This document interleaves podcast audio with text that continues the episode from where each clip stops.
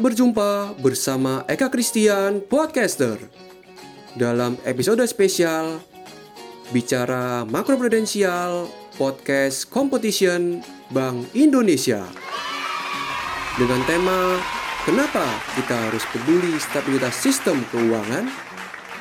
Pentingnya kebijakan makroprudensial bagi stabilitas sistem keuangan. Dengan subtema Digitalisasi permudah akses keuangan. Selamat mendengarkan dan selamat menikmati.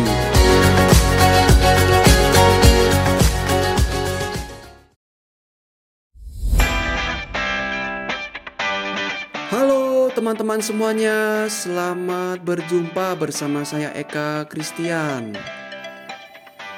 Dan saat ini kita akan bersama-sama belajar melalui podcast ini seputar kebijakan makroprudensial dan hubungannya dengan stabilitas sistem keuangan. Dan kita juga akan belajar tentang digitalisasi permudah akses keuangan karena memang zaman kita saat ini adalah zaman digital atau era digital ya teman-teman. Jadi memang kita mau nggak mau akan berhadapan dengan hal-hal yang bersifat digital. Dan bagaimana pembahasan selengkapnya?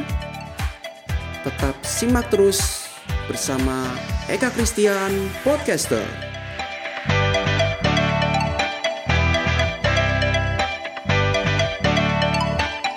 Oke, yang pertama yang perlu kita ketahui adalah apa itu stabilitas sistem keuangan.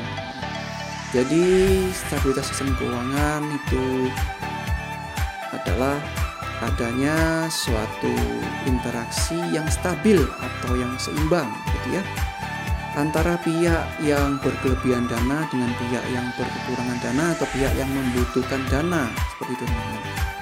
Jadi misalnya kita membeli sebuah baju ya.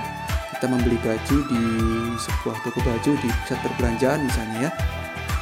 Nah kita membeli baju itu tentunya kita harus mengeluarkan sejumlah dana. Anggap saja misalnya berapa? Misalnya 50 ribu teman-teman ya. Nah kita mengeluarkan uang 50 ribu itu kita memberikannya kepada pihak penjual kemudian kita mendapatkan baju. Nah tentu kan apa tentunya seperti itu ya interaksi keuangan yang kita lakukan ya. Nah berarti kita ini dianggap sebagai pihak yang berkelebihan dana. Meskipun memang dana kita nggak lebih-lebih amat. Mungkin malah kita ini dana kita pas-pasan. Atau mungkin dana kita rada mepet. Atau tekor. Sampai nggak punya duit. Tapi kalau nggak punya duit ya nggak bisa beli baju teman-teman ya. Tapi Ya itulah, karena kita memberikan dana kita kepada pihak penjual, nah maka kita dianggap sebagai pihak yang berkelebihan dana. Nah, si penjual baju itu dianggap sebagai pihak yang membutuhkan dana karena dia mendapatkan dana yang kita berikan dari hasil baju yang dia jual. Nah, seperti itu teman-teman. Nah, di dalam sistem keuangan itu ada empat komponen teman-teman ya yang harus kita ketahui bersama. Jadi yang pertama itu adalah lembaga keuangan. Lembaga keuangan ini dibagi menjadi dua teman-teman ya, yaitu lembaga keuangan bank atau perbankan ya dan juga lembaga keuangan non bank atau non perbankan seperti itu. Nah, contoh lembaga keuangan bank ya tentunya ya seperti yang kita tahu bersama ya ada berbagai macam bank ya di sekitar kita ya misalnya ada Bank Negara Indonesia, Bank Rakyat Indonesia misalnya, Bank Tabungan Negara, Bank Mandiri dan lain sebagainya teman-teman. Nah, sedangkan untuk lembaga keuangan non bank itu ya misalnya lembaga asuransi, lembaga perkreditan atau leasing, lembaga investasi misalnya. seperti itu teman-teman. Nah, kemudian komponen yang kedua adalah pengguna jasa keuangan. Ini juga dibagi menjadi dua yaitu pengguna jasa keuangan rumah tangga dan korporasi. Seperti itu, teman. Nah, pengguna jasa keuangan rumah tangga ini bukan berarti bagi mereka yang udah berumah tangga, bukan, teman-teman. Bagi yang belum berumah tangga, bagi yang masih jomblo, bagi yang masih nyari gebetan mungkin, bagi yang masih cari pacar ya, bagi yang bagi mahasiswa. Pokoknya bagi mereka yang di luar korporasi atau perusahaan nah itulah yang disebut sebagai pengguna jasa keuangan rumah tangga. Begitu teman-teman. Nah berarti selain itu mereka yang tergolong dalam perusahaan atau korporasi nah itu disebut sebagai pengguna jasa keuangan perusahaan atau korporasi. Seperti itu teman-teman Nah, yang ketiga atau komponen sistem keuangan yang ketiga adalah pasar keuangan. Nah, seperti yang kita tahu ya, definisi pasar secara umum itu kan adalah apa? Tempat transaksi jual beli atau tempat pertemunya antara penjual dan pembeli seperti itu, teman-teman. Nah, demikian juga di pasar keuangan. Jadi kita melakukan suatu transaksi keuangan di situ. Misalnya kita uh, melakukan pembelian saham dari satu perusahaan misalnya. Atau kita misalnya misalnya kita melakukan investasi di suatu perusahaan investasi atau kita menempatkan dana kita dalam deposito misalnya. Nah itu kan kita sudah melakukan transaksi di pasar keuangan seperti itu teman-teman Nah, yang keempat adalah infrastruktur keuangan. Ya, infrastruktur keuangan ya adalah apa alat atau sarana prasarana yang berhubungan dengan keuangan. Misalnya ATM, anjungan tunai mandiri ya atau automatic teller machine ya. Nah, misalnya kita mengambil ATM, berarti kan kita menggunakan infrastruktur itu untuk kita mengambil uang atau misalnya kita ngomong digital kita transfer melalui m-banking. Atau misal kita melakukan scan QR code misalnya. QRIS QR code Indonesian Standard. Nah itu kan juga termasuk dalam infrastruktur keuangan atau alat-alat sarana prasarana yang berhubungan dengan sistem keuangan. Seperti itu teman-teman. Nah Jadi ada empat komponen itu teman-teman ya, yaitu lembaga keuangan, pengguna jasa keuangan, pasar keuangan, dan infrastruktur keuangan. Nah selanjutnya bagaimana keterkaitan atau hubungan antara kebijakan makroprudensial, stabilitas sistem keuangan, dan juga digitalisasi permudah akses keuangan. Nah, perlu kita ketahui bersama bahwa kebijakan makroprudensial adalah kebijakan yang dibuat oleh Bank Indonesia yang bertujuan untuk menjaga stabilitas sistem keuangan dan juga meminimalisir atau mengurangi terjadinya resiko sistemik. Jadi, memang kebijakan ini dibuat untuk menjaga keseimbangan atau kestabilan dalam sistem keuangan dan juga meminimalisir terjadinya resiko sistemik. Nah, seperti apa itu? Di antaranya yang, per, yang pertama yaitu adanya asymmetric information, yaitu adanya ketidaksesuaian dalam penyampaian informasi atau informasi yang tidak tersampaikan dengan benar. Nah, yang kedua yaitu build up, yaitu adanya ketidakseimbangan dalam pengelolaan keuangan. Nah, yang ketiga yaitu interconnectedness, yaitu adanya saling keterkaitan atau saling keterhubungan antara satu pihak dengan pihak yang lain dan jika di satu pihak mengalami masalah maka akan berdampak juga kepada pihak yang lain. Nah, yang keempat yaitu adanya inovasi baru. Nah, ini akan memberikan dampak positif dan negatif. Bagi mereka yang bisa beradaptasi dengan inovasi baru, maka ini akan memberikan dampak positif. Nah, sebaliknya, bagi mereka yang tidak bisa beradaptasi, tidak bisa menyesuaikan dengan inovasi baru ini, maka akan memberikan dampak negatif. Seperti itu.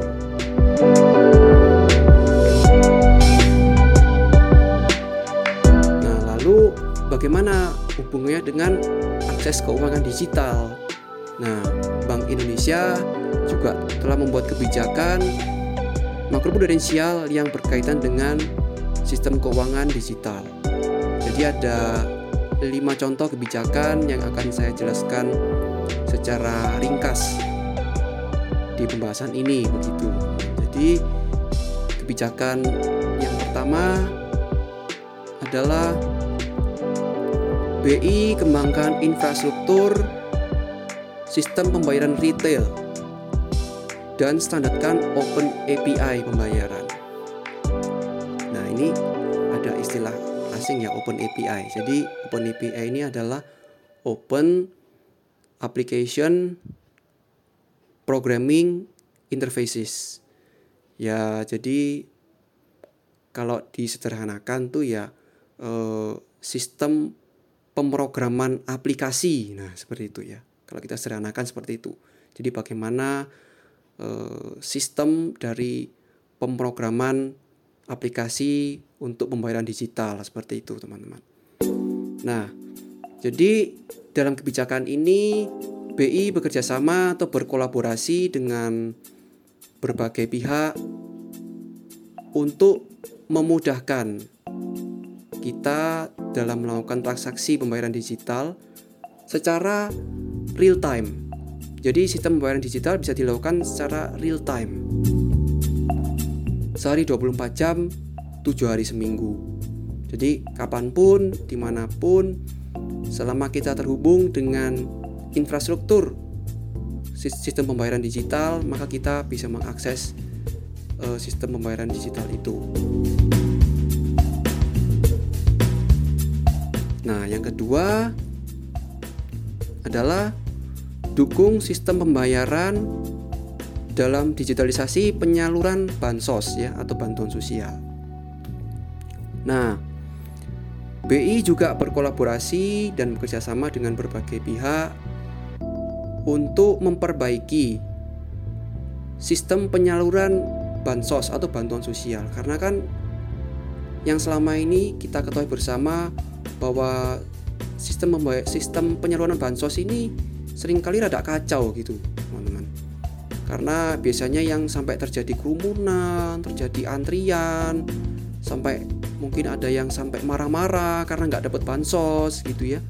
Nah sekarang ini dengan adanya sistem pembayaran digital dan juga kebijakan dari Bank Indonesia maka sistem penyaluran bansos ini bisa disalurkan dengan lebih mudah melalui sarana dan prasarana sistem pembayaran digital.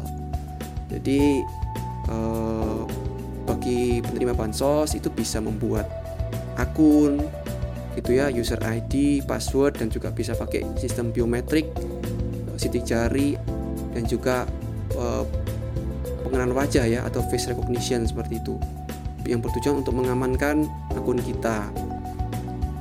Nah, selain itu juga bisa dilakukan dengan uh, transfer dengan bank yang sudah bekerja sama untuk penyaluran bansos ini dan juga bisa menggunakan QRIS ya QR Code Indonesian Standard scan barcode gitu di merchant atau di tempat-tempat yang memang sudah bekerja sama untuk penyaluran bantuan sosial ini seperti itu.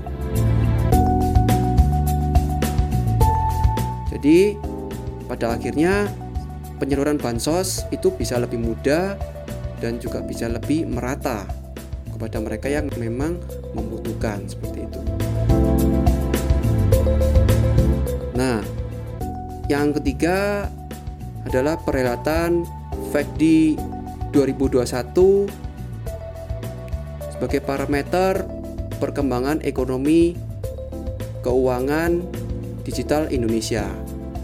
Nah, jadi eh, FECD ini adalah Festival Ekonomi Digital Indonesia. Jadi uh, festival ini dilaksanakan pada tanggal 5 sampai 8 April ya 2021 yang lalu. Jadi festival ini ya pada intinya mensosialisasikan gitu ya bagaimana kita itu seharusnya uh, harus segera beralih ya ke sistem pembayaran digital. Di situ ada ada semacam pameran, ada semacam sosialisasi tentang sistem pembayaran digital seperti itu. Dan tujuannya supaya kita semua ini bisa semakin mengetahui dan juga bisa segera menggunakan sistem pembayaran digital. Seperti itu. Dan kebijakan yang keempat adalah BI mendukung percepatan dan perluasan digitalisasi daerah. Nah, jadi kebijakan ini dimaksudkan untuk mendukung percepatan sistem pembayaran digital di seluruh daerah di Indonesia. Jadi, setiap daerah itu harus bisa melakukan sistem pembayaran secara digital. Cuma memang ini tidak bisa langsung dilakukan ya teman-teman ini perlu ini harus dilakukan secara bertahap gitu ya makanya BI juga uh, gencar mensosialisasikan bahwa setiap daerah itu harus memiliki infrastruktur digital supaya bisa melakukan sistem pembayaran secara digital dan ini juga berkaitan dengan kebijakan yang kelima yaitu BI dan industri targetkan perluasan QRIS mencapai 12 juta merchant di tahun 2021. Nah, jadi sistem pembayaran digital itu salah satu infrastrukturnya adalah QR code. Dan QR code yang telah dimiliki Indonesia adalah QR code Indonesian Standard atau QRIS. Itu dan BI juga gencar ya mensosialisasikan penggunaan QRIS ini di berbagai daerah. Makanya seperti yang disampaikan dalam kebijakannya bahwa targetnya ini ada 12 juta merchant yang bisa mengakses QRIS. Jadi di berbagai daerah juga BI gencar mensosialisasikan tentang bagaimana cara penggunaan QRIS gitu. Jadi cara sederhananya itu ya kita tinggal mm, men-scan ya atau kita tinggal menghadapkan kamera HP kita dengan uh, scanner yang tersedia di merchant misalnya di minimarket atau di pusat perbelanjaan gitu teman-teman. Ya jadi untuk proses scanning atau proses memindai QRIS ini bisa dilakukan dengan cara scan barcode yang ada di resi atau di nota pembelanjaan kita atau yang ada di layar scanner yang ada di merchant dan juga bisa dilakukan melalui aplikasi e-wallet atau aplikasi dompet digital seperti GoPay, OVO, Link Aja, dana, dan lain sebagainya. Ya, jadi dari kelima contoh kebijakan tersebut dapat disimpulkan bahwa kita harus belajar. Kita harus mulai membiasakan diri bertransaksi secara digital. Karena memang zaman ini atau era saat ini adalah era digital. Contohnya saja, sekolah yang tadinya onsite sekarang menjadi online. Belanja yang tadinya onsite kita harus ke tempat belanja atau ke pusat perbelanjaan sekarang lebih banyak dilakukan secara online. Dan memang itulah perkembangan zaman yang harus kita hadapi bersama dan yang harus kita biasakan bersama. Seperti itu, teman. Oke, demikianlah penjelasan dari saya seputar kebijakan makroprudensial tentang stabilitas sistem keuangan dan juga hubungannya dengan digitalisasi dalam mempermudah akses keuangan. Semoga bermanfaat bagi kita semuanya. Mohon maaf jika ada kesalahan dan kekurangan. Terima kasih dan sampai jumpa.